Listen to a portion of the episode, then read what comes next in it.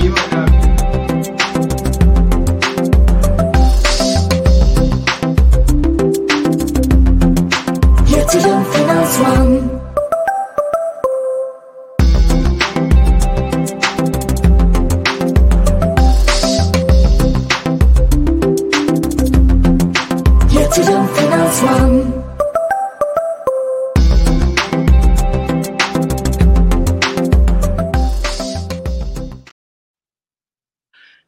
herkese iyi akşamlar. Bir hasbi halde daha birlikteyiz.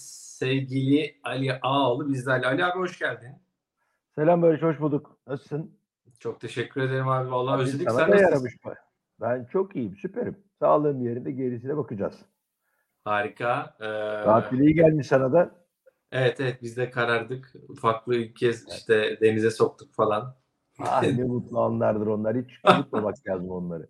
Aynen. Çektik. ilk e, fotoğrafını çektik. İlk soktuğumuzdan. Çok memnundu ama. Vallahi hiç çıkmak istemedi. Harika, sevdi suyu yani. Sevdi sevdi. Vallahi Nefis. sevdi. Ee, buradan İzmir'e, ben de İzmir dediğim güzel İzmir'e selamlar, Buca'ya selamlar Adnan Bey. Erzurum'a selam. Vallahi bizi Erzurum'dan, İzmir'den, Türkiye'nin ve dünyanın çok farklı noktalarından bizi izliyorlar. Bazen böyle sizi Meksika'dan izliyorum diyenler oluyor Ali abi. Diyorum ki Aa, hadi bana Meksika'dan bir şey at fotoğraf. İnanmıyorum sana diyorum. Böyle tahrik ediyorum. Vallahi çekip Evet. atıyor bana. Maşallah. E, iyi, güzel. Oraya kadar ulaşabiliyorsak ne mutlu bize ya. E, YouTube'un güzelliği de bu abi ya. Dünyanın Evet, her yerine ulaşabiliyoruz işte sosyal medya. Değerli izleyicilerimize hoş geldiniz diyelim. Canlı yayındayız. Ee, Ali Ağaoğlu ile Asbihal'de borsada uzun vadeli yatırımı konuşacağız. Ee, Maraş'a da çok selamlar. Tekrar geçmiş olsun tüm deprem bölgesine ve Kahramanmaraş'a. E, geçmiş olsun. Ee, Kahramanmaraş başta olmak üzere tüm deprem bölgesinde biraz unutuyoruz onları. Arada bir Allah unuttuk ya. var. Şaka gibi ya. ya Valla Evet. unutmamak lazım. Ee, şimdi bu arada Borsa İstanbul bizim konuşacağımız gün durdu. Rally yapan %4'lerle 5'lerle giden borsa bugün sakin. Ee, ama tabii bir rekor 6000'lerin üzeri Borsa İstanbul'da bir rekor vardı. Ee, bugün biraz daha sakiniz. Ali Ağaoğlu'yla sohbete başlayalım. Borsada uzun vadeli yatırım diyeceğim ama Ali abi önce bir borsayı değerlendirelim. Şöyle bir hava var sanki. Kur yukarı, borsa yukarı. Hatta bugün Ekonomi Gazetesi'nde de arkadaşlarımız e, e, dolara kaç, borsaya tutma öyle böyle bir başlık atmışlar. Tavşana kat, kaç, tazıya tut mudur onun orijinali. Evet. E, dolayısıyla ne dersin? Genel bir borsa yorumuyla başlayalım istersen. Hareketli borsa. Ya şöyle yapalım. Ee, ben derdimi genelde şimdi ben senden şunu bekliyordum. Gene bence sen şerbetlendin artık. Bunu anlaşalım. Şimdi sen borsa gene rekorlar kırıyor diye gelecektin bana. Ben de sana diyecektim bunlar rekor sayılmaz. Bunlar nominal rekorlar bana rekor diye gelme Barış diyecektim. Tam kendimi bunu hazırlamıştım ama sen sormayınca ben gene de söyleyeyim bunlar rekor falan değil. Şimdi diyeceksin ki neden? Sen biliyorsun sebebini ama yeni izleyen e, hatta böyle Nazilli'den, Mersin'den izleyen izleyicilerimiz var. E, değişik illerden geliyorlar. Teşekkür ediyoruz onlara. E, şöyle bir şey, e, ben e, nominal rekor dediğim zaman endeksin teknik olarak hesaplanma yöntemi nominal fiyatlar yani borsadaki fiyatlar ve onların piyasa değerleri üzerinden yapılan bir hesaplamadır. Şimdi bu neden fark ediyor veya benim kastettiğimden farkı neresi diye baktığında nominal fiyat dediğimiz bugün Türk lirası bazında ekranda gördüğümüz her fiyat nominal fiyattır. Reel fiyat nedir diye baktığında aslında bu da nominal fiyat değildir. Özür dileyerek kendimi düzeltmem lazım. Her hisse senedinin üzerinde 1 TL yazar. O 1 Hı. TL nominal fiyattır. Şu anda borsada işlem gören fiyatı piyasa fiyatıdır. Borsa fiyatıdır. Ama gene de bu endeksin şu anda hesaplandığı borsadaki işlem gören fiyatlar da bana göre teknik olarak nominal fiyatlar. Neden dersen içinde çok önemli bir oranda enflasyon farkı var. Bir başka deyişle şirketlerin gelirleri enflasyona bağlı olarak arttıkları için yapılan hesaplamaların hepsi şu anda var olan nominal karlarına göre yapılan hesaplamalar ve buna göre oluşan borsa fiyatı ve yine buna göre oluşan bu borsadaki endeks var. Şimdi bunu reale çeken nedir diye sorsan iki tane şey söyleyeceğim. Bir tanesi enflasyondan arındırılmış bilançolarına göre yapılsa bu hesaplamalar, fiyatlamalar ve buna bağlı olarak da borsadaki hisse senedi değerleri bu enflasyondan arındırılmış hale getirilse reali bulacağız. Bu birincisi. Bunu yapmak hayli zor. A. Her şirketin muhatap olduğu enflasyon oranı farklı. B. Bugün kullanacağımız hangi enflasyon oranı doğrudur diye hepimizin kafasında ciddi soru işaretleri var. Böyle bir ortamda ne beni daha kolay reale yaklaştırır diye baktığımızda yıllardır ve asırlardır kullandığımız diyeceğim en kolay indikatör dolar bazında borsa endeksine bakarız. Çünkü biz varsayarız ki bu bir varsayımdır temelde varsayım şu dolar kuru teknik olarak enflasyonu yansıtacak kadar devalüe olur.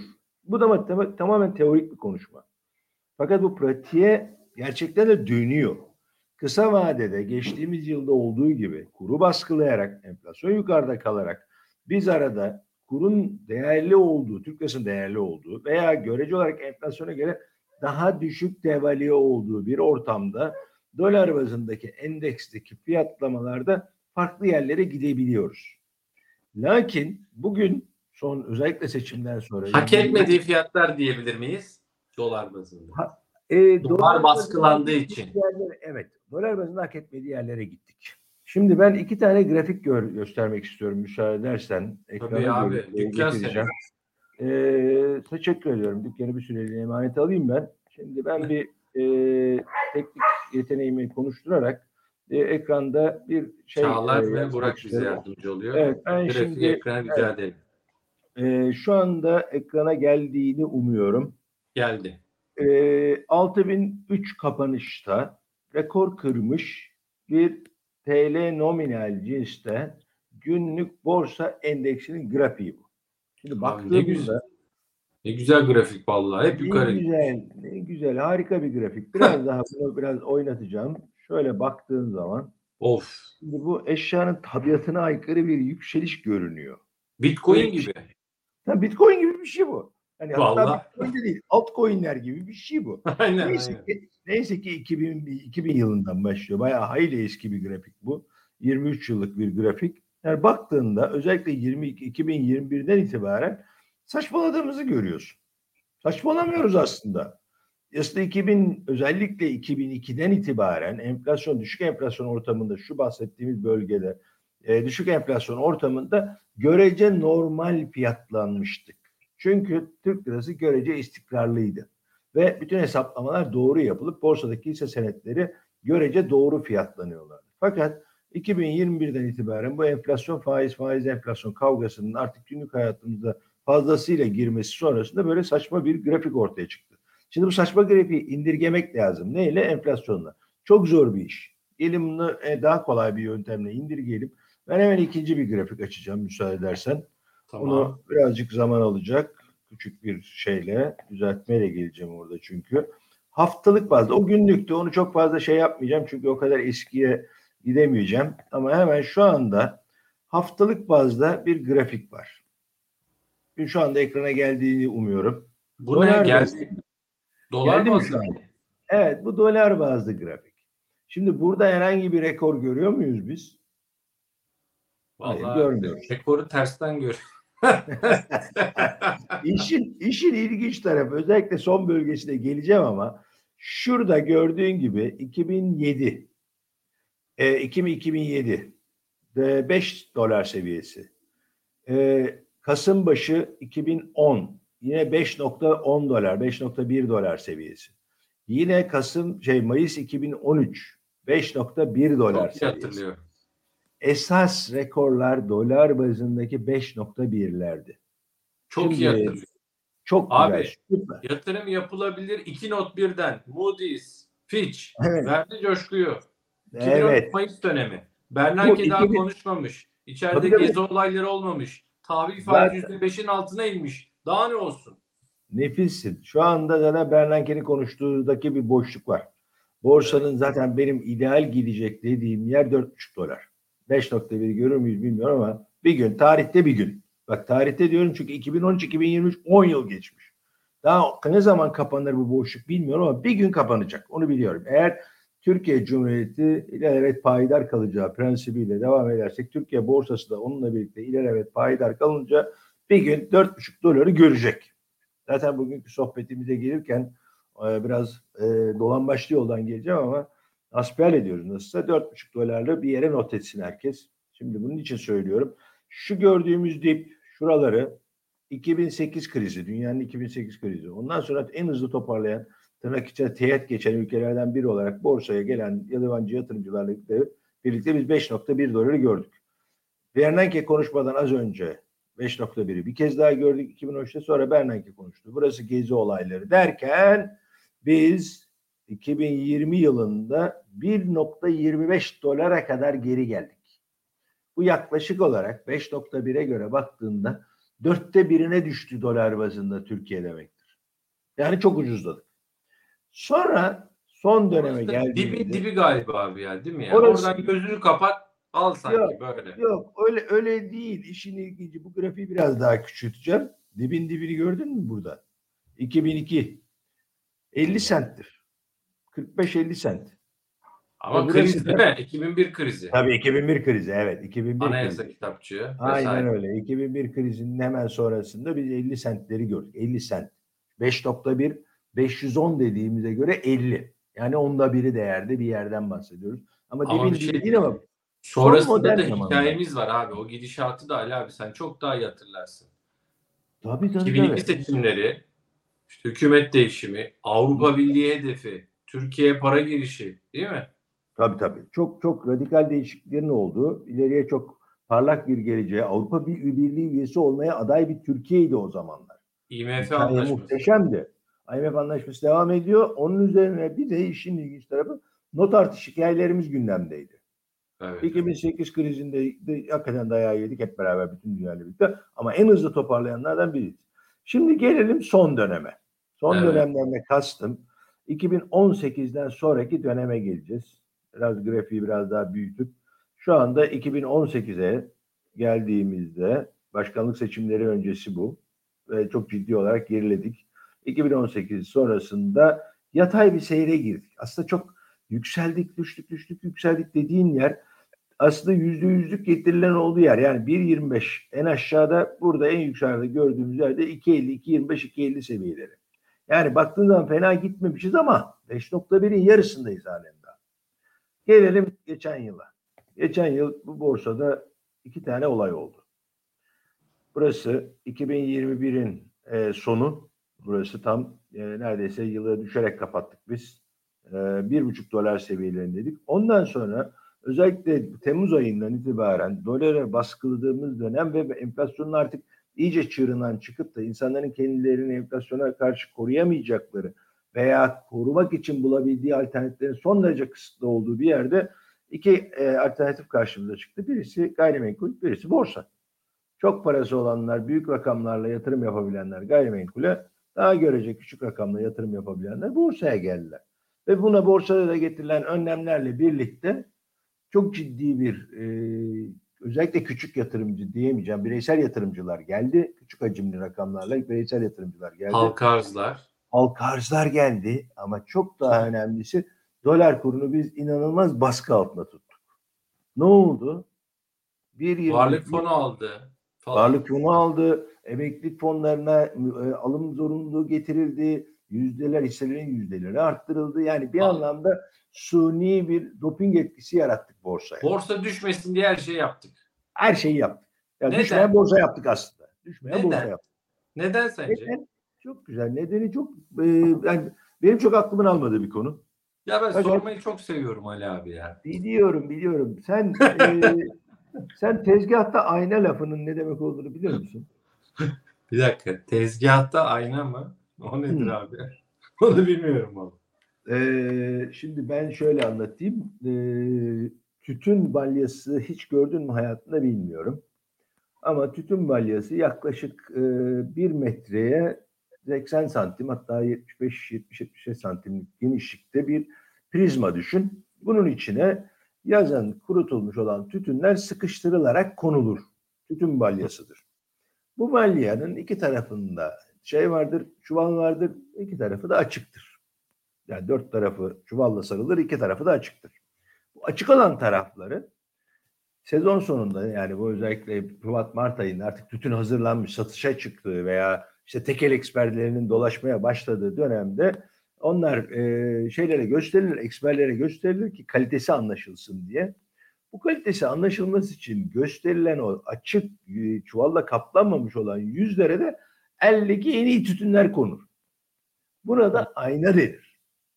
Şimdi Hmm. aynı ayna hikayesini sen aslında pazar tezgahında ön tarafta pırıl pırıl domatesler, çilekler, şeftaliler görürsün. Arka taraftan arkadaş sana arada çürükleri, ezikleri falan da kakalar, çak, çakar yani onları sana.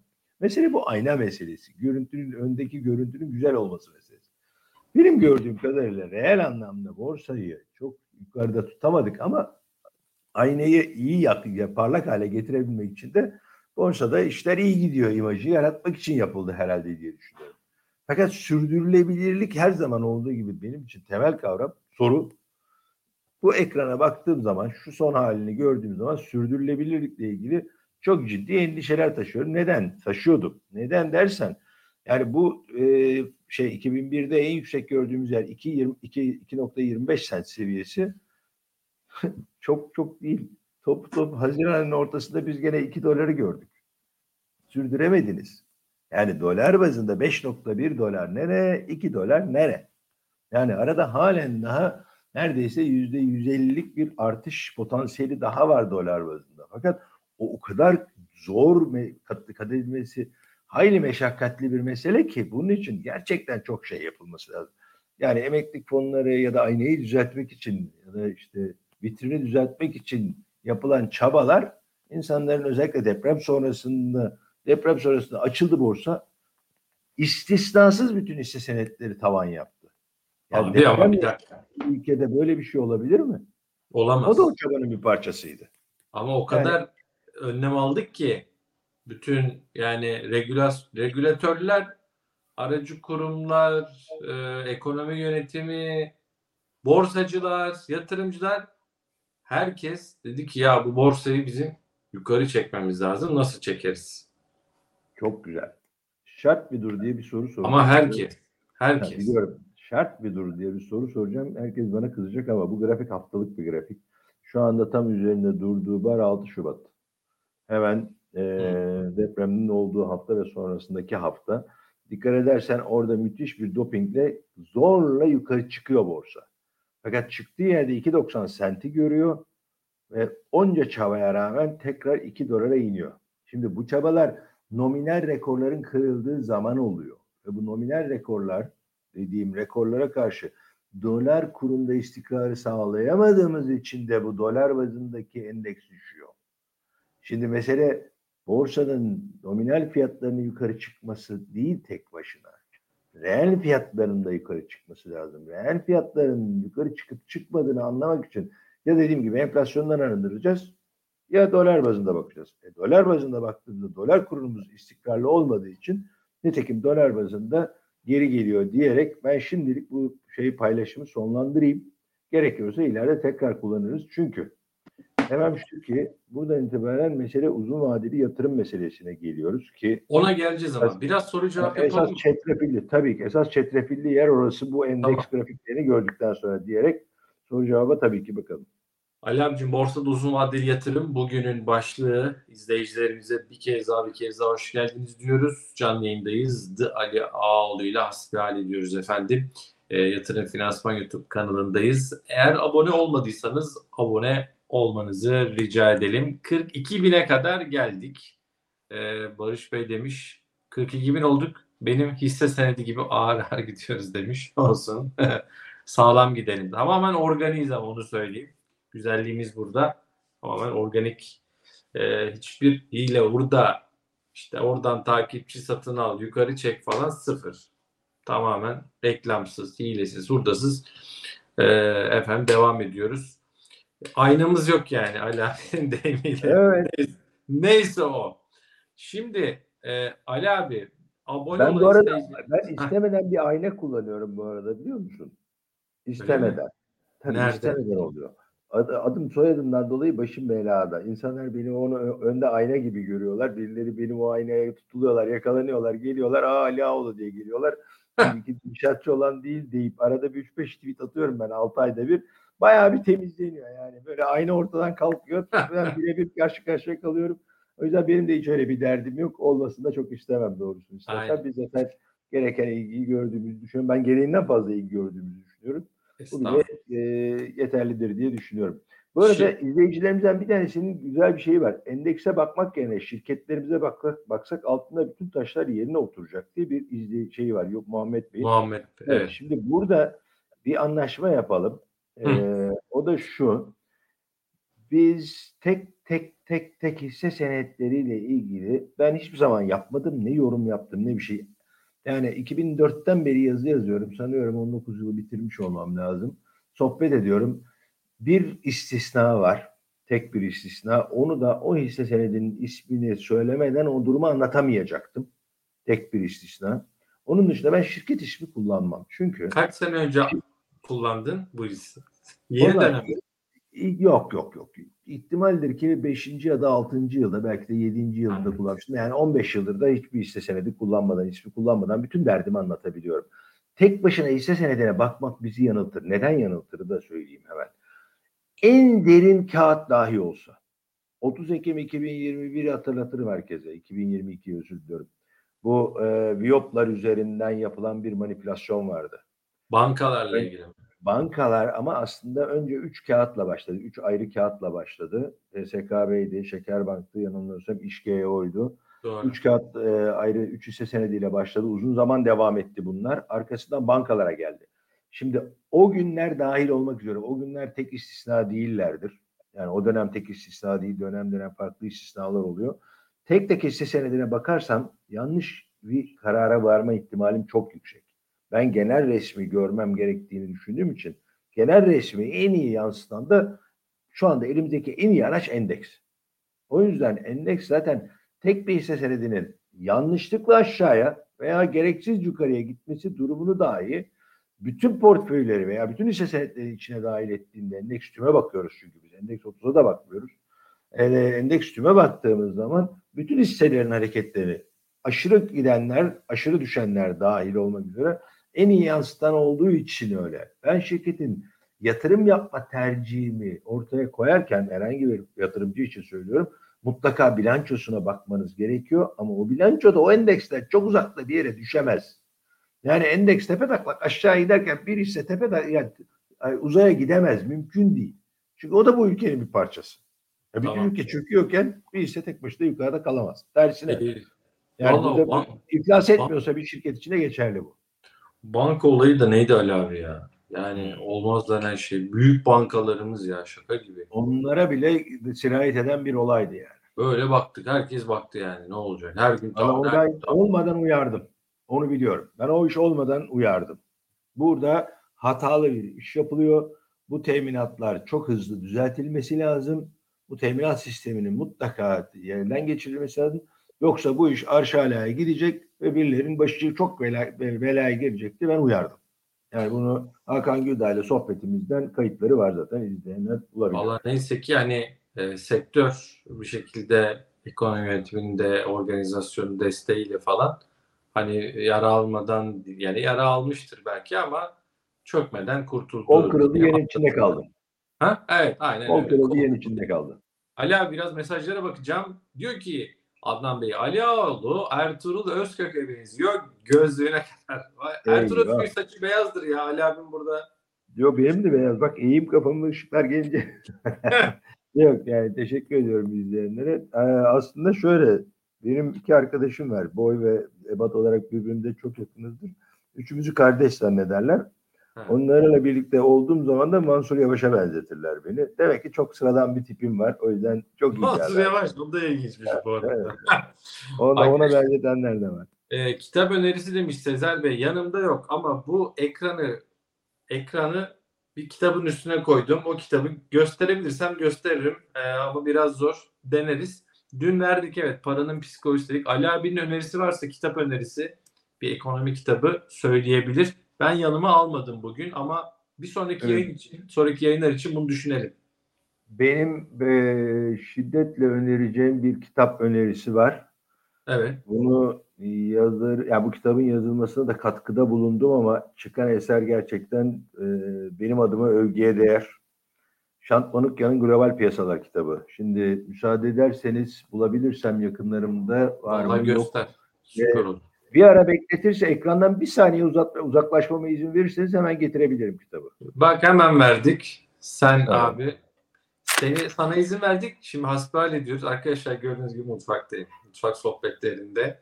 Ekonominin mutfağındayız. Mutfak ekonomi mutfakta konuşulur. Onu da söyleyeyim. Evet, geldim. Evet Ali abi geldi. Evet. Heh. Şant Manukyan'ın Global Piyasalar diye bir kitabı var. Peki Ali abi anlayabilecek miyiz kitabı? Çok güzel. Çok güzel bir soru. Gerçekten eee, şöyle bu kitabı yani Şant Manukyan yazdı. Ben editinde bir miktar katkıda bulundum. Biraz da ben zorladım açıkçası yazması için. Eee, çok Şant'a eee, ilk 10 sayfasına tahammül etmenizi rica edeceğim. Bunu ben ön sözünde de yazdım. Hı. İlk ön sözü çünkü Şant'ın e, çok kendine has bir üslubu var. E, normalde insanlar evet Şant'ı anlayamıyoruz diye eleştiriyorlar ama bu kitap öyle değil. Bu Değil kitap mi? hakikaten hayır değil değil değil. Tamam Ee, ilk, söyleyelim. ilk 10 sayfasını sabırla okursanız sonra çok çabuk alışacaksınız. İçinde çok da keyifli bölümleri var ama daha da önemlisi e, dipnotlarıyla, geçmişiyle hatta hatta hani Twitter'la bile dalga geçiyor. Kendisiyle de dalga geçiyor sıkça ama Twitter'daki o beş aile efendim şey vardır ya efsanesi. Dünyayı Hı. beş aile yönetiyor hikayesi. Aynen. Ee, paranın tarihinden, Fed'in tarihinden başlayarak gerçekten global piyasalarda ne olup ne bittiğine dair herkesin de anlayabileceği, özellikle piyasalarla uğraşan herkesin anlayabileceği bence çok hoş bir kitap. Yani sen söylediğin diye ben bu kitabı önerdim ya da böyle bir fırsat çıktığı için normalde böyle bir çaba içinde olmadığım halde ben çok ciddi bu kitabı tavsiye ediyorum. Özellikle piyasayla uğraşan hemen hemen herkese diyeyim. Ya bunu neden hemen hemen herkese diyorum? Benim gibi 37 yıldır bu piyasalara uğraşan birisi bile çok şey öğrendi kitaptan. Aa, Şant benim için öyle çok ilginç birisidir. Ben ondan çok şey öğrenmişimdir. Bu kitaptan da gene çok şey öğrendim. Ee, hatta birkaç tane yanlış bildiğim, pardon doğru bildiğim yanlışı da düzelttim. Onun Hmm. sayesinde. Evet. Yani onun için hemen hemen herkesin diyorum. Yani el elden üstündür. Herkesin benden daha iyi bildiği bir şey vardır. Şant bu konuda gerçekten takdire şayan bir iş yapmış durumda. Bir ikinci kitabı daha geliyor. O kitabı tavsiye etmeyebilirim. Bak o kitap teknik olacak. Bu kitap Ha. kadar teknik bir kitap değil. O yüzden Peki. herkesin e, şey yapabileceği hatta bir kez daha göstereyim müsaade edersen belki Tabii. izleyenler şey yaparlar. Hı. Ortaladım Süper. galiba. Evet. evet. Şant. Global piyasaların dünü bugünü yarını. Kronik'ten çıktı galiba değil mi Adnan Adnan abi? Kronik'ten evet. Adnan Dalgakıran'ın orada katkıda bulunduğu Cüneyt Dalgakıran yeğeninin ilk yayın Evet. evi var. Kronik. Onlar çok başarılı işler yapıyorlar. Oradan çıktı. Ee, yani ben bunu tavsiye ediyorum. Hakikaten herkese tavsiye ediyorum. Tabii birkaç tane daha var tavsiye edeceğim kitap ama bu programı kitap tavsiyesine ayırmayalım. Ama bu ilk aklıma gelen olduğu için, elimin altında da olduğu için paylaşayım istedim. Evet. Para lazım abi. Para. Hangi kitap hızlı para kazandı? çok güzel. Ya. Nefis. Çok güzel. Babamın bir lafı vardı. Bunu söylememe izin ver lütfen. O gün bugündür de ben farklı bakıyorum hayata. Hmm. Bana para lazım, akıl değil derdi. Ben bir şeyler söyledim veya önerdiğim zaman. Evet. Hayır. Bana, Bana akıl değil para ver. Ee, bana, para lazım, akıl değil derdi. Ee, üzgünüm. Yani akıl para kazandırıyor ama para her zaman elinde tutulamıyor. Çünkü parayı tutmak, kazanmak belki ama elde tutmak çok daha zor bir iş. Onun için de biraz akla ihtiyaç var. Şimdi paranın psikolojisinde bu Var. var. var, evet okudum de, abi. okudum. Ee, paranın psikolojisi. Okudun mu sen? Okudum. Diyor ki kendini zengin göstereceğin, ben geçen gün onu paylaştım. Kendini zengin göstermek için harcayacağın her para seni fakirliğe çok hızlı şekilde götürür. Kesinlikle doğru bir şeydir. Müthiş bir laf. Vallahi Çok billahi. doğrudur. Yani o o yani bir cümleye bir çevreye girebilmek için kendini zengin göstermek için yaptığın harcamalar aslında borç alarak yaptıkların onları geri getirebilecek bir yatırım olmayabilir eğer yeterince aklın ve tecrüben bilgin yoksa. Peki Ki biraz çabuk götür. Batarsın yani. e, hemen mesajlar hızlı hızlı geçeceğim. Canlı yayındayız. Abone olan izleyicilerimizin mesajlarını ekrana yansıtıyoruz. Bu bir hasbihal programı. Sadece teknik grafiği çizip e, bu böyle buraya gider diyeceğimiz program değil. Programın adı Asbal. Ali abiyle Asbal ediyoruz. Sizlerle Asbal ediyoruz. Şöyle dolayısıyla abone olan izleyicilerimiz ekrana geliyor mesajlar. Meryem Hanım demiş ki kitap kalın, kalınmış diyor. Bize ince kitap lazım. Böyle bir şey. Ona da hemen hemen bu hasbelimiz Ona da mı var cevap? Var ona da cevap. Ali abi her şeye bir cevabım var. benim benim, benim e, ikinci tavsiye edeceğim kitabı da o zaman söyleyeyim. E, bu gerçekten e, ilginç bir şeydir. E, Daron Acemoğlu'nun Ulusların Çöküşü. Düşüşü. Ulusların Çöküşü, Ulusların evet. Düşüşü. Why Düşüşü. Nations Fail. Why Nations Fail diye bir kitap. Çok şiddetle çıktı tavsiye ederim. 12-13 yıl önce çıktı kitap. Halen daha güncel. Ve ben e, üniversitede ders verdiğim dönemlerde öğrencilere bu kitabı tavsiye ediyordum. Ve diyordum ki bu kitap bir ders kitabı değildir. Ama hepinizin okuması gerekiyor. Ekonomiyle, dünyayla, insanla az çok bir haşır neşir olacağınız herhangi bir alanda bulunacaksanız bu kitabı mutlaka okuyun diyordum.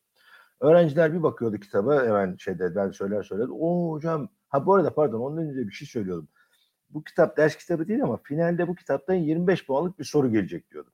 100 puanın 25 puan dörtte biri. Hemen bakıyorlar kitaba. Aa hocam bu 400 puan şey 400 sayfaymış. Çok kalın mı diyorlar. Okuyamayız biz diyor. O zaman diyorum sınavın notu sınav puanı 30 puan oldu diyorum. 25'ten 30'a çıkarıyoruz. Okuyacaksınız çünkü hakikaten çok önemli bir kitap o da. Gerçekten Aynen. çok önemli bir kitap. Benim de gene ufkumu değiştiren kitaplardan biridir. Kalın olmasının bir önemi yok. İçinde söylediklerinin size ne kadar faydalı olacağının bir önemi var. Bir kitap okudum gene. Bunu ben tavsiye etmeme gerek yok ama eee hayatımda en zor ve en uzun sürede okuduğum kitaptı. Ne? Kitap 260 sayfayı da 6 ay sürdü okuma. Çünkü bir cümleyi 3-4 defa okuduğum oluyordu. Türkçe bir Allah. kitap ha bu arada yanlış anlamayın İngilizce değil. Yani konuda şey yani eee ismini vermeyeyim ama sosyal ve politik konularla Türkiye'nin tarihiyle ilgili bir kitaptı. Peki. Ya gerçekten çok zorlandım. Okuması çok zor bir kitaptı. Bu iki kitap öyle değil bahsettim. Okuması da kolay kitaplar. Peki. Ya valla ben şimdi mesaj göstermeyeceğim. Hepsine bir yorum yapıyorsun. Tamam ben susayım o zaman abi. Yani, hani asbelde ben çok konuşuyorum Bunu, diyorsan. bunu neden söyledim biliyor musun? Ali abiye bir şey dedik. Ali abi sesi işte şöyle yap. İnternetini şöyle Ali abi diyor ki bana çok kötü davranıyorsunuz. Yani hani o kadar böyle kırmadan azıcık söylemeye çalışıyoruz ama işin şakası bir tarafa. Şimdi eee Ali abi hemen piyasaya böyle bir hardcore piyasaya gireceğim. Bir soru vardı ama biz tabii e, kitap sohbetine dalınca yukarıda kaldı bulacağım. İnşallah bulacağım e, arkadaşlarım bulsa. Ya Ee, Birleşik Arap özel, şu. özel bir talihliye bir kitap olsa Barış Hocam diyor. Orada bir izleyicimiz Sezercan. Ee, sizin izleyicilerinizin arasından seçeceğiniz bir kişiye ben Şant Manukyan'ın bu kitabını hediye ediyorum. Tamam Sezer Can Bey bize Ona değil, İletişim. ona değil. Öneri bu. değil mi? Sizin seçeceğiniz, nasıl seçeceksiniz bilmiyorum. Sizin seçeceğiniz bir kişiye ben Şant Manukyan'ın bu kitabını hediye ediyorum. Arkadaşlar nasıl nasıl yapıyorduk biz bunu? Abone olanlar arasında çekiliş yapıyorduk. Tabii öyle yapıyor olmanız lazım. Öyle yapalım. Bir süre yeniden başlayacağız bu arada. Güzel kitaplar var. Ee, sen birçok kişinin kitap yazmasına vesile oluyorsun. Rahmetli Nasrullah Aya'nın da kitap yazmasına vesile oldun. Şantın olduğu gibi onu da rahmetli almış oldum. Şimdi Anladım. Ali abi az önceki mesaj. Hardcore piyasa değil mi? Hemen. Yarın Birleşik Arap Emirlikleri anlaşmalar var. Enerjiler ve iletişimler gidermek. Biz hisse konuşmuyoruz ama piyasada şöyle bir beklenti var. O Sayın Mehmet Şimşek, Sayın Cevdet Yılmaz Birleşik Arap Emirlikleri'ne gitti. Müthiş anlaşmalar. Para gelecek. İşte M&A'ler olacak. Satışlar olabilir. İşte yok varlık fonundaki şirketler mi satılıyor? Yalanlanıyor falan. Yok efendim büyük bir milyar yani Sayın Mehmet Şimşek de burada dün bir açıklama yaptı. Hani anlaşmaların olabileceğine dair. Ali abi biz içeride para politikası, sadeleşme, liralaşmayı, terk, faiz artışı falan diyoruz. Ama işin bu tarafı da var. Piyasada Birleşik Arap Emirlikleri'nden para gelecek, işte para girecek, hisseler buradan hikaye yazıp coşacak gibi bir sohbet var diyeyim. Ne dersin? Şimdi biraz evvelki grafiği tekrardan ekrana getirmek de vaktinizi almayacağım. Ama 1.25 sent dolardan 2.90 dolara gitmiş borsa 2 dolara düştü.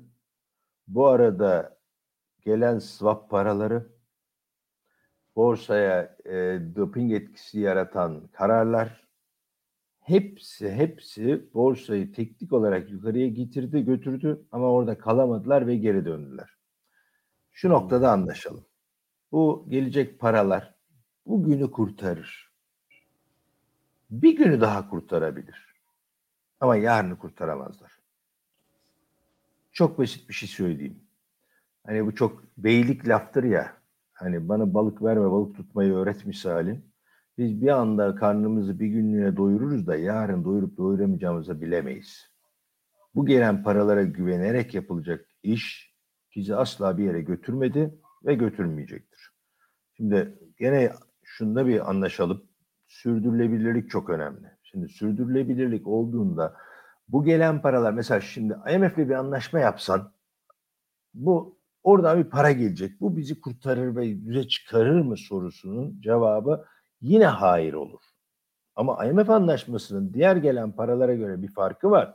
O para hemen size alın buyurun harcayın diye verilmiyor. Siz bazı işleri yapmanız lazım ki uzun vadede sürdürülebilir bir ekonomiye doğru gidebilirsiniz diye bazı yol haritaları veriyor. Bu yol haritalarına uydukça size bu para desteği geliyor. E siz onlara uyduğunuz zaman zaten ekonominiz iyileşiyor. Toparlıyorsunuz bir şekilde. Bunun illa IMF olması gerekmiyor. Siz iyi bir program ortaya koyun ki bunun en temelinde altında yatan güvendir.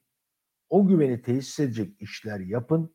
Kimseden size emanet veya geçici veya swapla veya işte ne idüğü belirsiz tavizler karşılığında bir parayı kısa vadeli günü kurtarmak için gelmesinden çok daha iyi iyi bir iş yapmış olursunuz.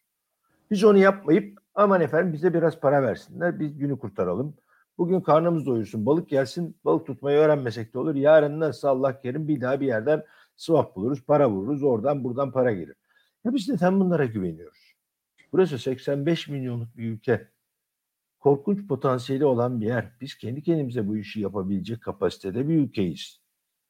Biz sadece bazı doğruları unuttuk. O doğrulara geri döndüğümüzde zaten güveni tesis edeceğiz. Güveni tesis ettiğinizde gerçekten oradan gelecek paraya ihtiyacınız yok. Çok basit bir şey söyleyeyim. Bugün güven oluşmadığı için döviz talebi var. Ortalıkta bir güven olursa kimse döviz talep etmeyecek. Merkez Bankası döviz satmak zorunda kalmayacak. Rezervleri yükselecek. Rezervleri yükselecek. Güven bir kere daha, bir kere daha artacak. Gene kimse döviz talep etmeyecek. E şimdi biz bunu neden yapmıyoruz? Çok mu zor bir reçete bu? Hayır. Çok mu acı bir reçete? Hayır o da değil. Yani burada oradan gelecek paraya güvenerek biz günü kurtaracağız. Borsa zıplayacak, kopup gidecek dediğiniz anda bir günü iki günü kurtarırsınız. Buyurun bahsettiğimiz bütün önlemlerle 2.9 dolara çıkmış olan borsa 3 dolar değil 2 dolara düşmüş. Üçte birini kaybetmiş o çıktığı yere göre. Şimdi dolar değer kaybetti diye oldu. Hayır. Aslında teknik olarak hepimiz fakirleştiğimiz için oldu. Biz artık bu parayı ediyoruz. Öyle bakmak lazım.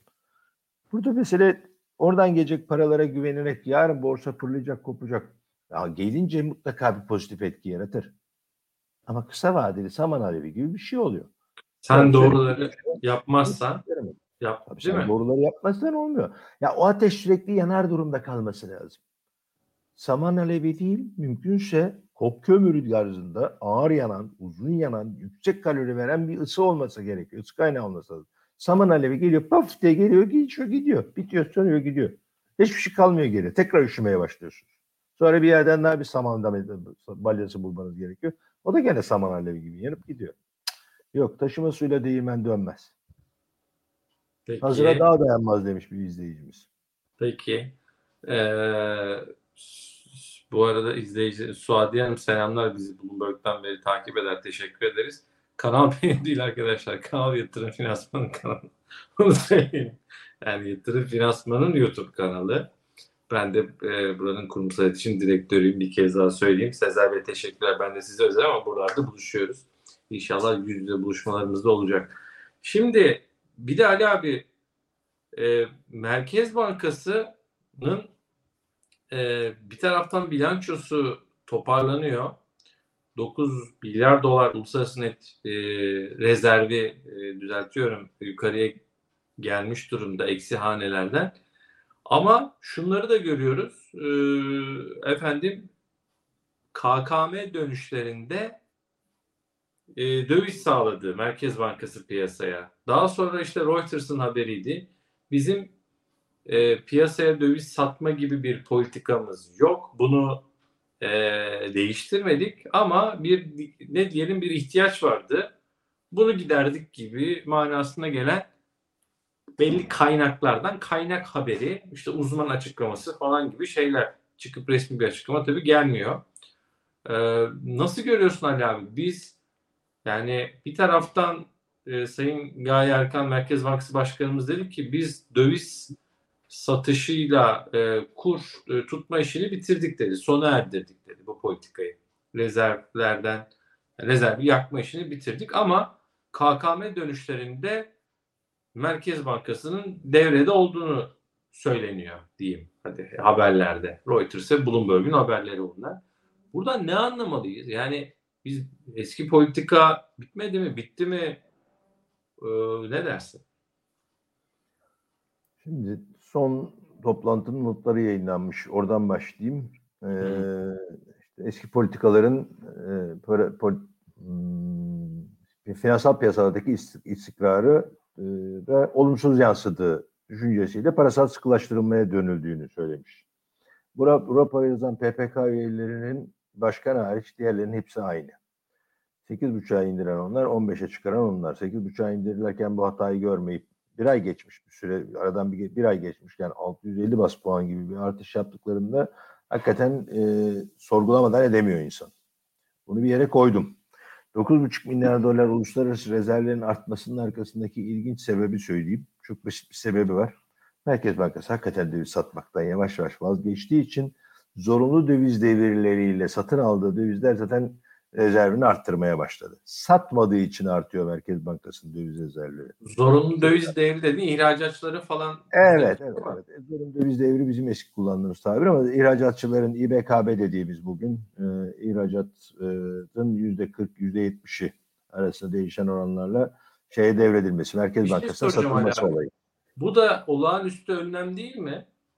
Eskiden böyle bir şey Evet. var mıydı? Yoktu. Vardı. Çok eskiden Nasıl? vardı.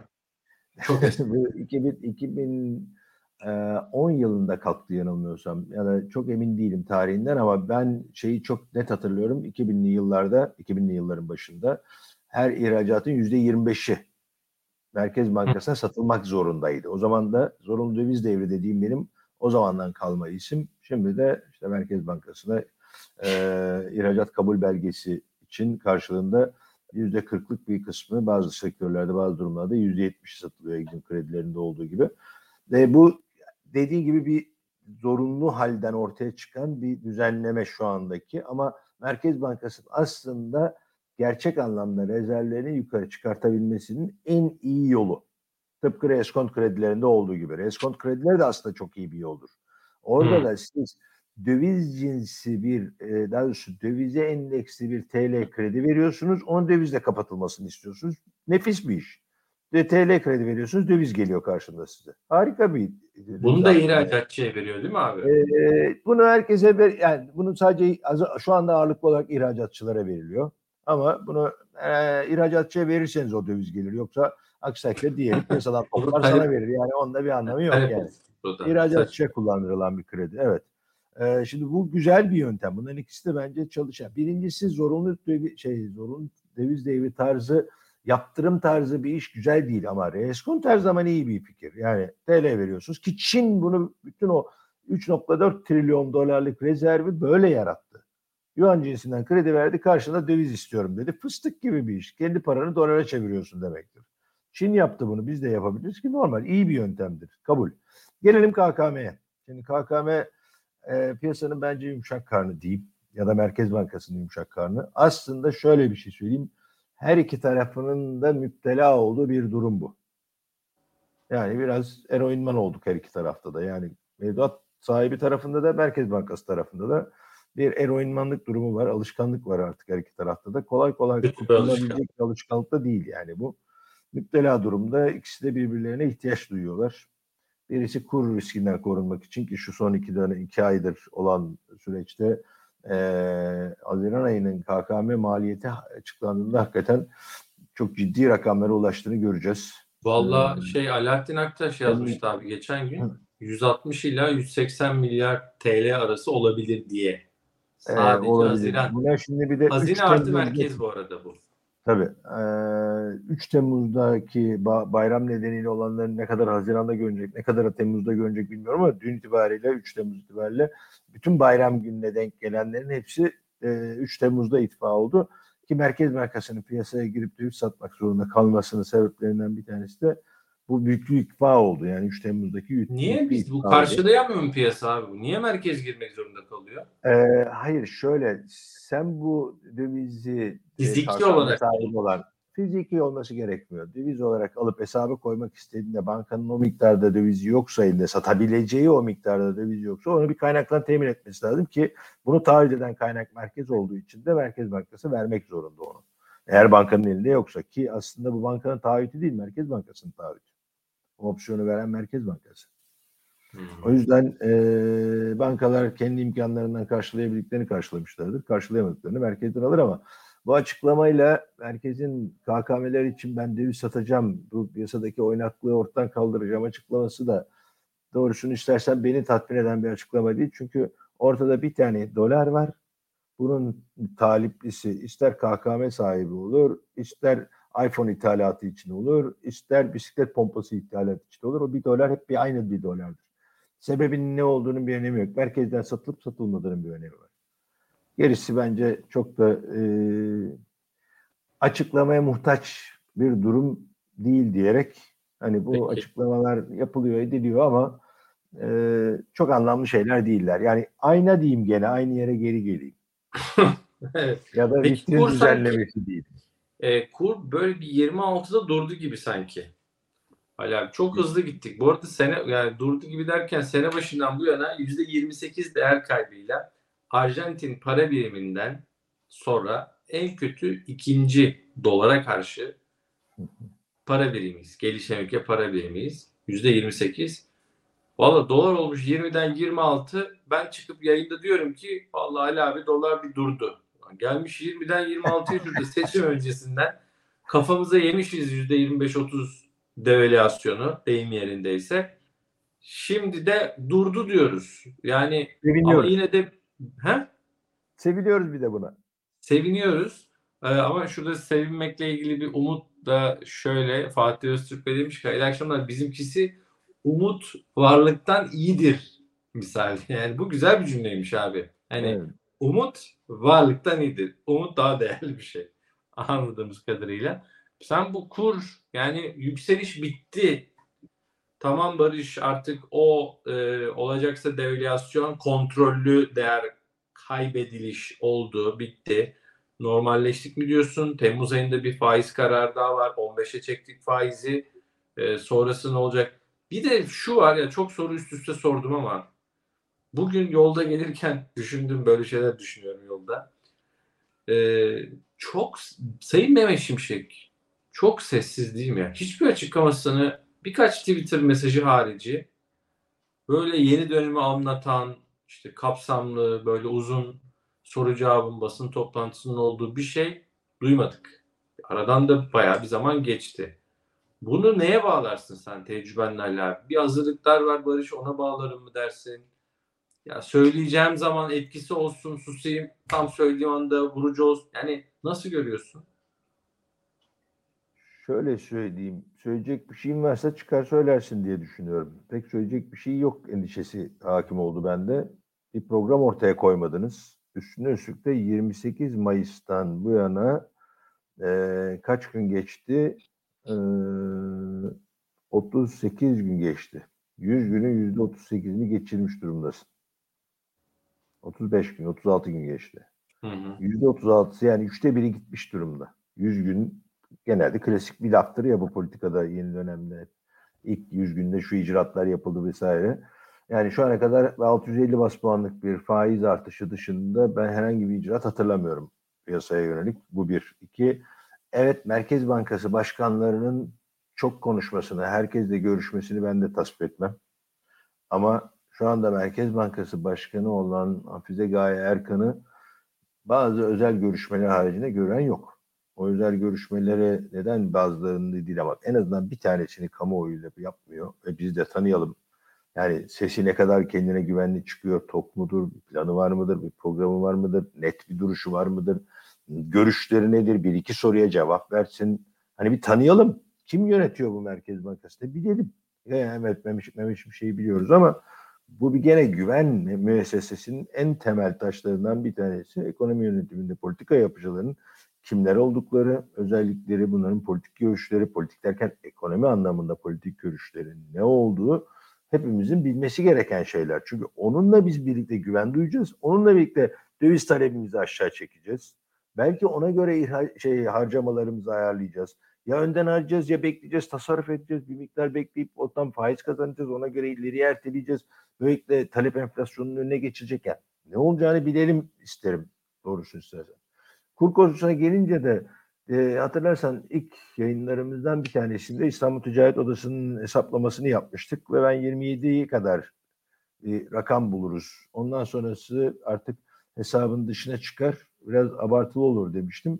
26.78'de ben bir iddia kazandım 26.5'da görür Ağustos sonuna kadar iddiam vardı. Sanıyorum buralarda dururuz. Durmamız lazım. Neden lazım? Hesap tutmuyor ondan sonra. Şimdi enflasyon yüzde kırklarda yüzde kırka göre bir görece bir yavaş devalüasyon belki olabilir önümüzdeki günlerde ama böyle kopup gitmesini zaten beklemiyordum bu seviyeden sonra.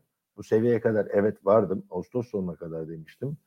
Ee, böyle bir beklentim vardı. Bu büyük oranda gerçekleşti. Bundan sonra gitmesi kurun hakikaten 35, 45, 55, 85'e gitmesi Türkiye'nin hiçbir problemini çözmeyecek. 100 doların 100 dolarlık ihracatın ki ihracat da yavaşladı. Cari açığımız artmaya devam ediyor. Dış ticaret açığımız artmaya devam ediyor. Hal böyle olurken bunu frenlemenin yolu kuru arttırmaktan geçmiyor. Çünkü ihracat da azaldığında üstüne üstlük 100 dolarlık ihracatın 72 dolara ithalatken ki biraz evvel yukarıda Brent petrolünün maliyetiyle ilgili ya da fiyatının bizim enflasyona etkisiyle ilgili bir soru vardı. Ona dolaylı da bir yanıt vermiş olayım. Allah'tan ki petrol fiyatları sabit gidiyor. Yükselmiyorlar. Tam tam, tam tersine düşme eğilimi var. Bu A enflasyona katkısı var. B enerji maliyetimize ve yani dış ticaret açımızın en önemli kalemi enerji. Oraya pozitif etkisi var ama biz bu pozitif etkileri belli bir denge noktasından itibaren pozitif hissederiz. Ama bu denge noktasına ulaşamadık henüz daha. Orada da faiz geliyor. Politika faiz geliyor. Şimdi 18 ayda %25'e izin aldı gibi bir dedikodu gelmişti. Mehmet Şimşek'in Sayın Cumhurbaşkanı'ndan böyle bir izin aldı. E, bir de bu arada son açıklamada da gene e, gerektiğinde hızlı davranacağız diyorlar. Şimdi gerek daha ne gerekiyor daha ne kadar bir beklemek gerekiyor? Bu beklemenin maliyeti hepimiz için hakikaten yüksek. Gelin anlaşalım. Bu faizin seviyesi 15 de değil. Bu faizin seviyesi 40 mıdır, 60 mıdır? Bunların ikisinde de yokum. Ama bir 30, 25, 20 birinci hamlede yapmanız lazımdı. Tıpkı Powell gibi. Powell 25'te başladığı için geç şey yaptı. Ara verdi bir ara sonra 75 75 75 geldi.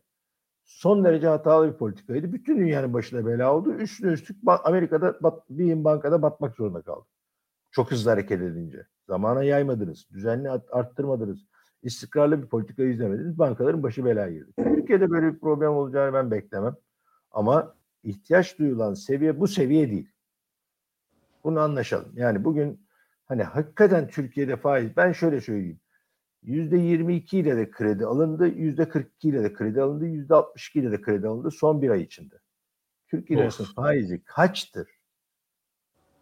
Yani ne olur birisi bana söylesin ben de bileyim ki bu işlerle uğraşan birisiyim ben. Yani ben şu anda Türkiye'de Türk lirasının faizinin kaç olduğunu bilmiyorum diye 6 aydır değil bir yıldır söylüyorum. Bilmiyorum hakikaten.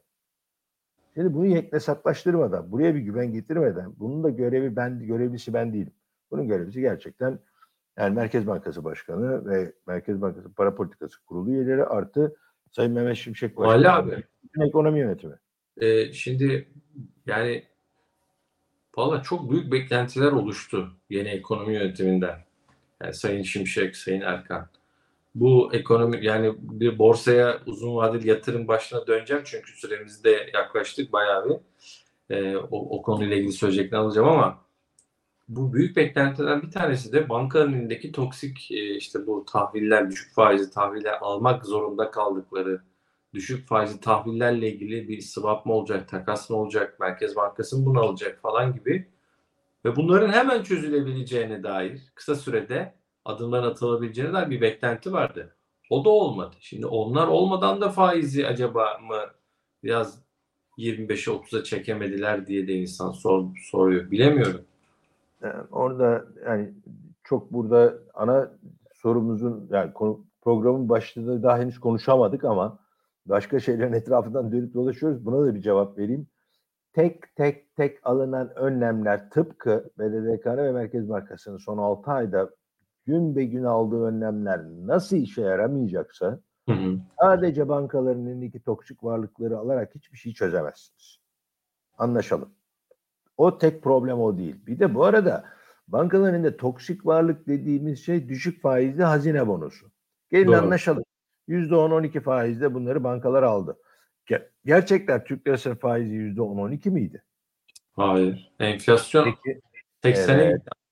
E Şimdi enflasyonun %70-80 olduğu yerde hazine %10'la birine kafasına silah dayayarak sattığı tahvillerin bedelini bankalar mı ödemek zorunda?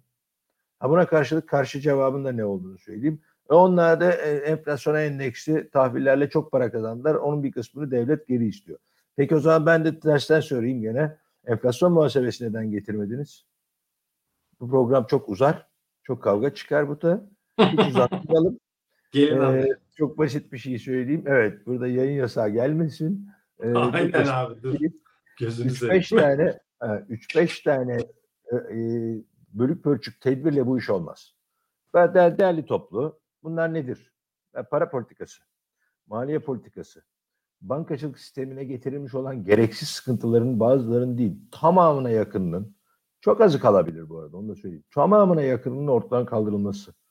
Yerine derli toplu, yön gösterici rasyolar belki aktif rasyoya benzeyen ama onlar kadar gaddar olmayan gerçekten piyasayı yönlendirip yönetebilecek rasyolar ve gerçekten de bir KGF gibi, kredi garanti fonundan gibi gerçekten hedefe yönelik, amaçlı, tam hedeflenmiş belli bir sektör, belli bir bölge, belli bir sek- şey grup yatırımcının desteklendiği bir takım yatırımlara da kaynak ayrılmış böyle büyük bir paketle gelmeniz lazım ortaya. Ama bu paketin ana şeyleri, destekleyici sütunları veya temelindeki büyük kazıklarından bir tanesi para politikası ki onda samimi ve net olmanız lazım.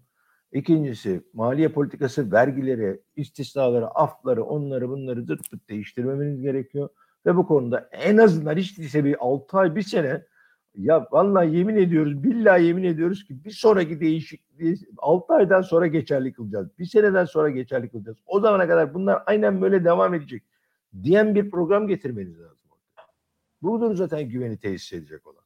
Ondan sonrası da çok zor değil. Gerçekten çok zor değil. Peki. Onun için günü Arap Emirlikleri'nden oradan buradan gelecek paralarla kurtarmaya çalışmak kadar bana göre beyhude bir çaba olamaz. Tamam. Gelelim. Hadi borsada uzun vadeli yatırımla ilgili ne söylersin? Evet, şimdi bu soruyu ben tersten kendi kendime sordum. Ne zaman borsada uzun vadeli yatırım yapılır diye baktığımda endeksin şu seviyesinden borsada uzun vadeli yatırım yapılır diye birisi size söylüyorsa hemen oradan uzaklaşın derim. Çünkü uzun vadeli yatırımdan benim anladığım şudur. Benim elimde bir birikimim var. Bu birikimin belli bir endeks seviyesinde bütün hepsini o borsaya yatıracağım. Veya gayrimenkule yatıracağım. Veya dolara yatıracağım. Ve o kopup gidecek. Süper. Seçimden önce sokaktaki simitçiye sorduğumda ben abi dolar seçimden sonra ne olur diye sorduğumda kesin artacak dedi bana. Doğru. Şaka gibi değil mi? Ben sordum. Gerçekten Evet. benim sokakta, sokağımda bir tane e, bulunduğum yerde bir simitçim var. E, o çok da hoş sohbet birisidir. Herkesle de sohbet eder. Mahalleli herkes tanır onu. Dedim ne yapılıyor, ne oluyor? Seçimlerle ilgili hasbihal ettim onunla. Bununla esas ne oluyor dedim. Ben ne diyorlar insanlar bu dövizle ilgili ne bekliyorlar? Ee, beni çok da iyi tanımıyor. Allah'tan. Abi seçimden sonra kesin artacak dedi. Nereden biliyorsun dedim. Ya, Ya, kesin artacak bu. Çok düşük kaldı çıkacak. Ne? Ya neye göre düşük kaldı dedim. Yok abi dedi herkes dedi dolar çıkacak diyor. dedi. Hiç kimse dolarını bozmuyor dedi. Ya şimdi sokaktaki simitçi ve onun benim hasbihal ettikleri insanların tamamı böyle düşünüyorken tamam mı? Şimdi hakikaten d- d- doları satmak yani satmayan insanların olduğu bir güven probleminin olduğu bir yerde gene de bütün paranızı siz dövize mi yatırırdınız diye sorsam parası olan herkes Abi bunun böyle olacağını bilseydim kesin yatırırdım der. Veya yok ben borsaya yatırdım döviz kadar kazandım diyebilir şu anda insanlar. Gene karşılaştırmalı da olsa bütün paranızı tek bir seviyeden tek bir anda bütün e, uzun vadeli herhangi bir şey yatırmanız uzun vadeli yatırımcı olduğunuz anlamına gelmiyor. Bu baştaki en baştaki grafiği bir kez daha hatırlatmak istiyorum. 3 defa 5.1 dolar görmüş borsa endeksine 5.1 dolardayken borsa daha da çıkacak diye yatırım yapmış olan bir kişi 3 defa kalp krizi geçirmiş demektir.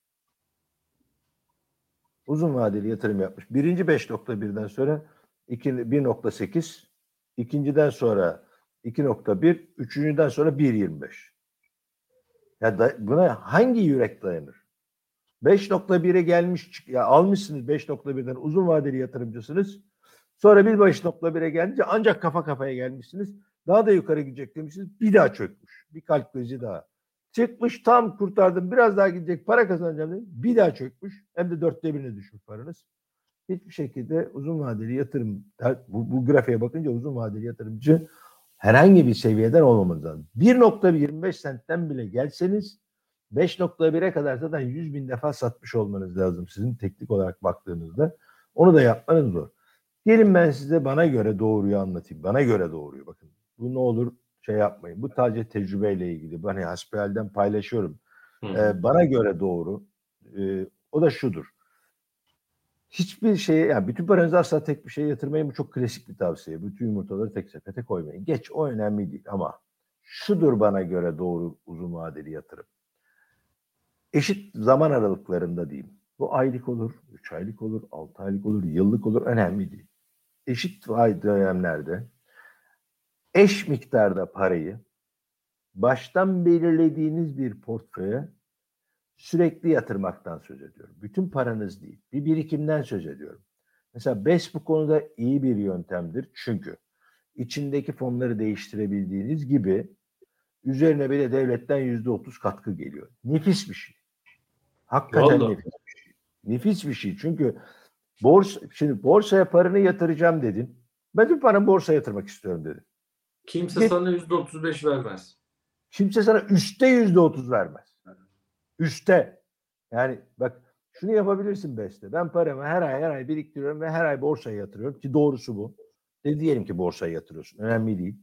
Yani bunu tahvil ve bölmen lazım diyelim. İşte bir miktar Eurobond döviz bazlı bir getiri sağlamak için. Bir miktar altın gümüş, bir miktar borsa.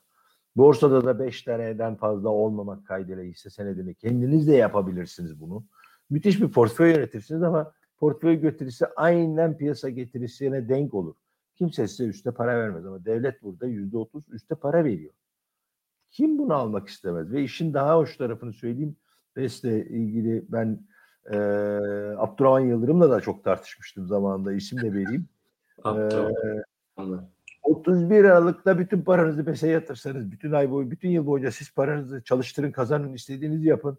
Gidin 30 Aralık'ta paranızı yatırın. 2 Şubat'ta devlet sizin hesabınıza %30'u verecek. Bundan daha güzel desteklenen bir emeklilik sistemi ben duymadım. Yani bence hiç kimsenin bunu kaçırmaması lazım. Ha burada da şunu söylemek istiyorum. Gene de bütün paranızı gidip BES'e yatırın demiyorum aslında. Mutlaka şundan bahsediyorum. Her ay basit olarak çok fazla bir paradan söz etmeyelim yani. 2000 liradan bahsedelim. Çok büyük para değil diyelim. 2000 lira ya da hadi 2500 liradan 100 dolardan bahsediyorum her ay. Ha, 100 dolar. 100 dolar. 100 dolar her ay yatırdınız bir yere. nereye yatırırsanız yatırın. Sadece şunu yapın. Bunun diyelim ki işte atıyorum 500 lirasını e, altın gümüş fonuna yatırdınız. 500 lirasını oraya 500 lirasını buraya 500 lirasını şuraya 5 tane fona yatırdınız. Önemli değil. Bunların tercihleri değiştirebiliyorsunuz. Sadece söylemeye çalışacağım bir şey var. O da şu. Bir tek şeyi unutmayın. Yani bu, bu kısmı çok kritik. O da buradan elde ettiğiniz gelirleri de mesela temettü geliri, faiz geliri aynı portföye aynı oranda yatırmaya devam etmeniz lazım. Buffett'ın altın kuralıdır bu bileşik faiz. Bileşik getiri. Bileşiklendirme. alıp yediğiniz zaman bile- bileşiklendirme. Faizini veya temettüyü alıp yediğiniz zaman ana paranızı yersiniz. Yiyebileceğiniz bir tek para vardır. Yani oradaki o portföyün getirisinden elde edebileceğiniz, kendinize ayırabileceğiniz tek bir kısmı vardır. O da ana para, yatırdığınız ana para artı getirinin enflasyona denk kadar olan kısmını orada o portföyün içinde tutmak durumundasınız ki bu sizin paranızı ancak ana para itibariyle korur, bileşiklendirmez. Ve onun üzerindeki kısmını alıp yiyebilirsiniz. Yani reel getiriyi yiyebilirsiniz. Onun da bir miktarını içeride bırakmanız lazım ki bu portföyünüzün içinde bırakmanız lazım ki o ileride bileşiklensin, bileşik getiri elde edebilsinler. O yüzden herhangi bir seviyeden borsaya uzun vadeli yatırımcı olunmaz. Şunu söylüyorum ısrarla 1.25'ten bile olamazsınız, olmazsınız.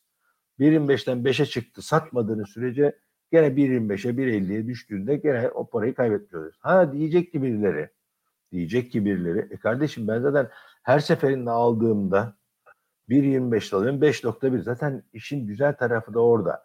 Söylemeye çalıştığım kısmı o. Siz bir ortalama getiriyi yakalıyorsunuz. Üzerine aldığınız faiz artı şeyleri, temettüleri de aynı portföye yatırdığınızda işte devletin yüzde otuzuna benzer bir getiri elde etme şansınız ancak o zaman oluyor. Hmm. Sorun da burada yani uzun vadeli yatırımcı hangi seviyeden uzun vadeli yatırımcı olur? Hayır. Her seviyeden alarak ve her zaman eşit miktarlarda şey yatırım yaparak o eşit miktarlardan yapmış olduğunuz yatırımın getirisini de tekrar portföye yatırdığınız takdirde bu olur. Çok mesaj geliyor bununla ilgili Ali abi. BES katkısı iyi işletilmiyor. Uzun vadede katkı değer kaybediyor. Çok güzel. Burada bir problem olduğunu ben de katılıyorum, kabul ediyorum. Hasan Bey Fakat. Çok var. kabul et yani şimdi kabul etmeyi şöyle bir anlaşma yapalım. Ha. BES'in devletin verdiği kısmı iyi yönetilmiyor dedikleri yüzde onluk şeylere gidiyor. Devlet tahvillerine gidiyor. Hmm. Çok güzel. Hangi para oraya gidiyor? Devletin katkısı mı? Evet.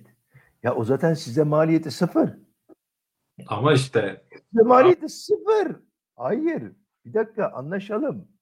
Size maliyeti sıfır olan bir ana para o. Ne getirirse getirsin artı getiriyor zaten size.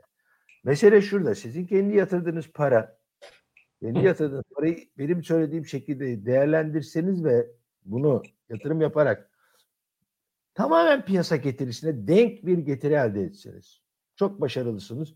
Piyasadaki bütün enflasyon getirisini karşı şey ma- maliyetinizi karşıladınız. Üzerine de yüzde bir, iki, üç değil. Doların enflasyonu kadar da bir getiriye, reel getiri elde ettiniz. Ki bu sizi dolara karşı da korudu diyelim. En en en optimum şeyden durumdan söz ediyorum. Bunu gidin zaten BES portföyü, BES fonları içinde bir yerde zaten kendiniz yönetin. Bir şekilde yönetebileceğinizi varsayıyorum.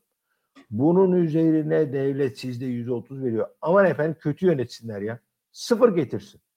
Sıfır getirsin. Yüzde otuz gene üstüne ek- ekstra para var. Bu mudur şikayet yani? Devlet fonları, devletin bes katkısı iyi yönetilmiyor, değer kaybediyor. Hayır. Zaten o art, şey, ekstra para size. 10. yılın sonunda da toptan alıyorsunuz. peki Hayır olmadı. 56 yaş artı 10 yıl. evet onu yazmışlar. Ama işte bu borsacılar parayı nereye e, ne zaman yiyecekler? Hep torunlara kalıyor demişler. 56 yıl bileşiklendirme aman temettü de yemeyelim yine koyalım borsaya falan. Bu buna benzer mesajlar geliyor Ali abi. Dün de e, o paranın psikolojisi kitabından bir alıntı yapıp bileşiklendirmeyi anlattık. Şöyle yazmış bir izli yazmıştı. O ne güzel damat da gelsin paraları yesin. yazmıştı. Ama o zaman şimdi kızıma bunu söylediğim için rahatım. Ha. Ee, o da kızım sana miras bırakmayacağım dedim. Benim sana bırakabileceğim en iyi miras sana verebileceğim en iyi eğitimdir dedim. Bunun için de çok çaba sarf ediyorum. Sana miras bırakmayacağım çünkü o, bana, o para bana lazım dedim. Git kendi başının çaresine bak dedim. Aynen bunu Gerçekten. söyledim. Gerçekten söyledim. Gerçekten değil damada kızıma bile yedirmeyi düşünmüyorum. Yani bana lazım. Ha benden sonra kalırsa buyursunlar istedikleri gibi harcasınlar. Kalır kalır. Sen sen e, kıyamazsın onu biliyoruz da. Ya, bu, bir- ama bu gerçekten felsefe Ama bu ayak- yani. Ayaklarının üstünde dursun diyorsun sen. Tabii ki. Heh. Tabii ki. Damatlara da yedirmeyi düşünmüyorum. Kendim yiyeceğim. En kötü ihtimalle gider orada burada şey yaparım. Surf yaparım. Peki. bungee jumping yaparım. Çılgınca bir şey yaparım yani. Yerim yani ben parayı. Bir, bir eğlence bulurum kendime. Şöyle ilginç bir mesaj var. Yani bana ilginç geldi bilmiyorum ne dersin. Diyor ki ya bu enflasyonist ortamında %30 devlet katkısının artırılması gerek. Arkadaşlar Hayır gerekmiyor. Hayır ya gerekmiyor. buran o. Değil mi? Hayır gerekmiyor. Orada bakın bu şunu sorguladığımız zaman doğru sorgudur. Hı. Bakın gene en başına geri geri geri geri gideceğim en başına gideceğim.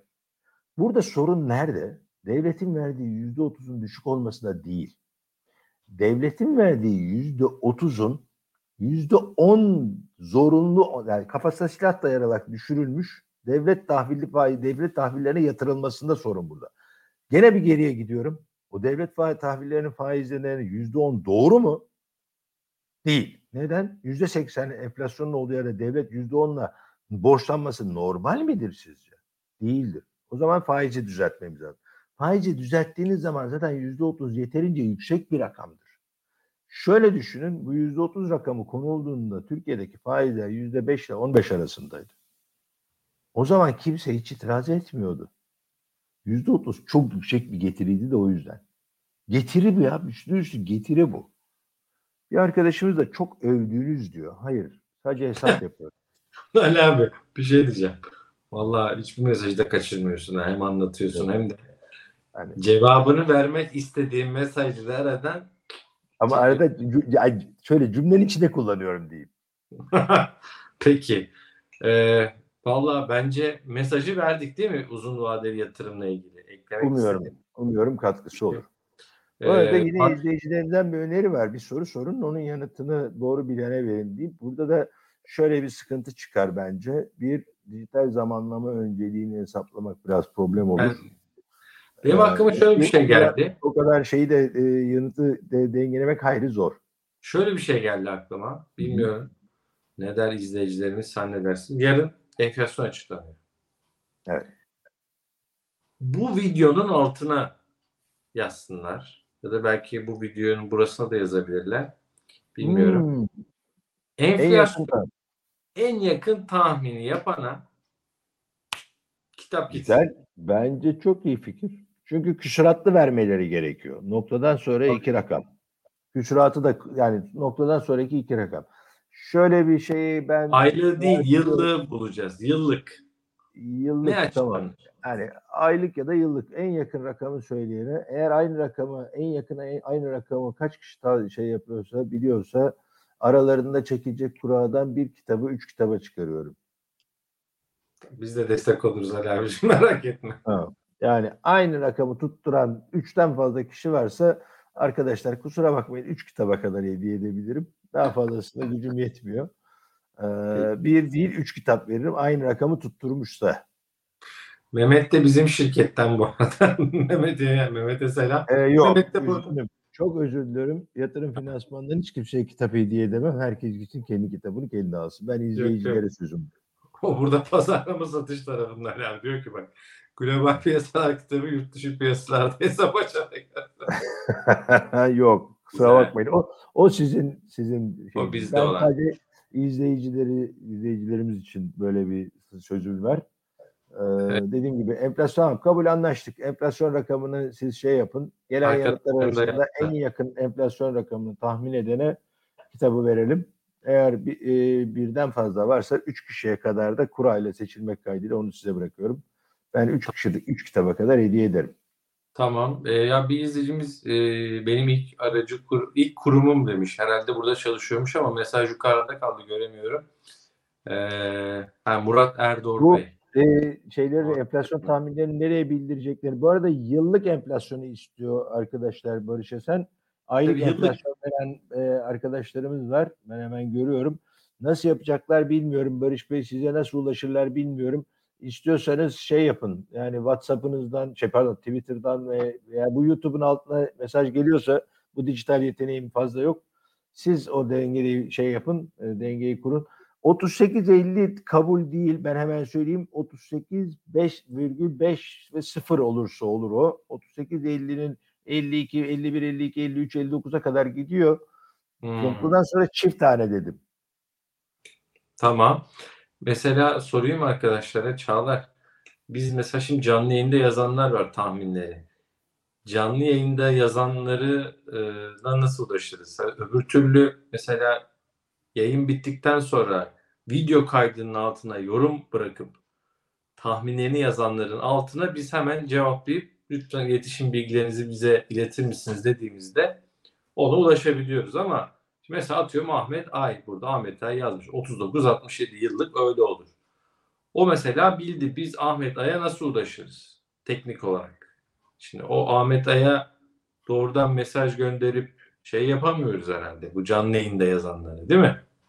Maalesef kaydın altına yorum yapmaları gerekmekte. Ha, bak tabii. Çünkü ya bu canlı yayında biz doğrudan e, bu yorumlar çünkü farklı bir sütunda kalıyor değerli izleyicilerimiz. Ve lütfen yormayın kendinizi. Yazdınız ama şimdi bizde bir tabii irticalen oldu, doğaçlama oldu böyle bir şey. E, sizden ricamız bu yayın bitecek. Şimdi bitireceğiz. Bu yayının altına yorum bölümüne yarın gelip kendisini ifşa etsin onu bilemem. Ee, Valla çekiliş olayına da hiç girmeyelim ama böyle güzel bir şey yaptık. Ee, yayın bittikten sonra YouTube yorum bölümüne yıllık enflasyon en yakın tahmin eden kişi hatta 3 kişiye kadar abi çıktı sağ olsun. E, Şampiyonika'nın global piyasalar kitabını yollayacağız ee, diyelim. Teşekkür ederim Ali abi ağzına sağlık. Ben teşekkür ediyorum. Umarım katkımız olmuştur diyeyim. Ha, tutturan zaten yarın her türlü tabii böyle bir şey de var. Ee, ama orada e, arkadaşlar yani tabii ki açıkladıktan sonra yazana deniyoruz yani.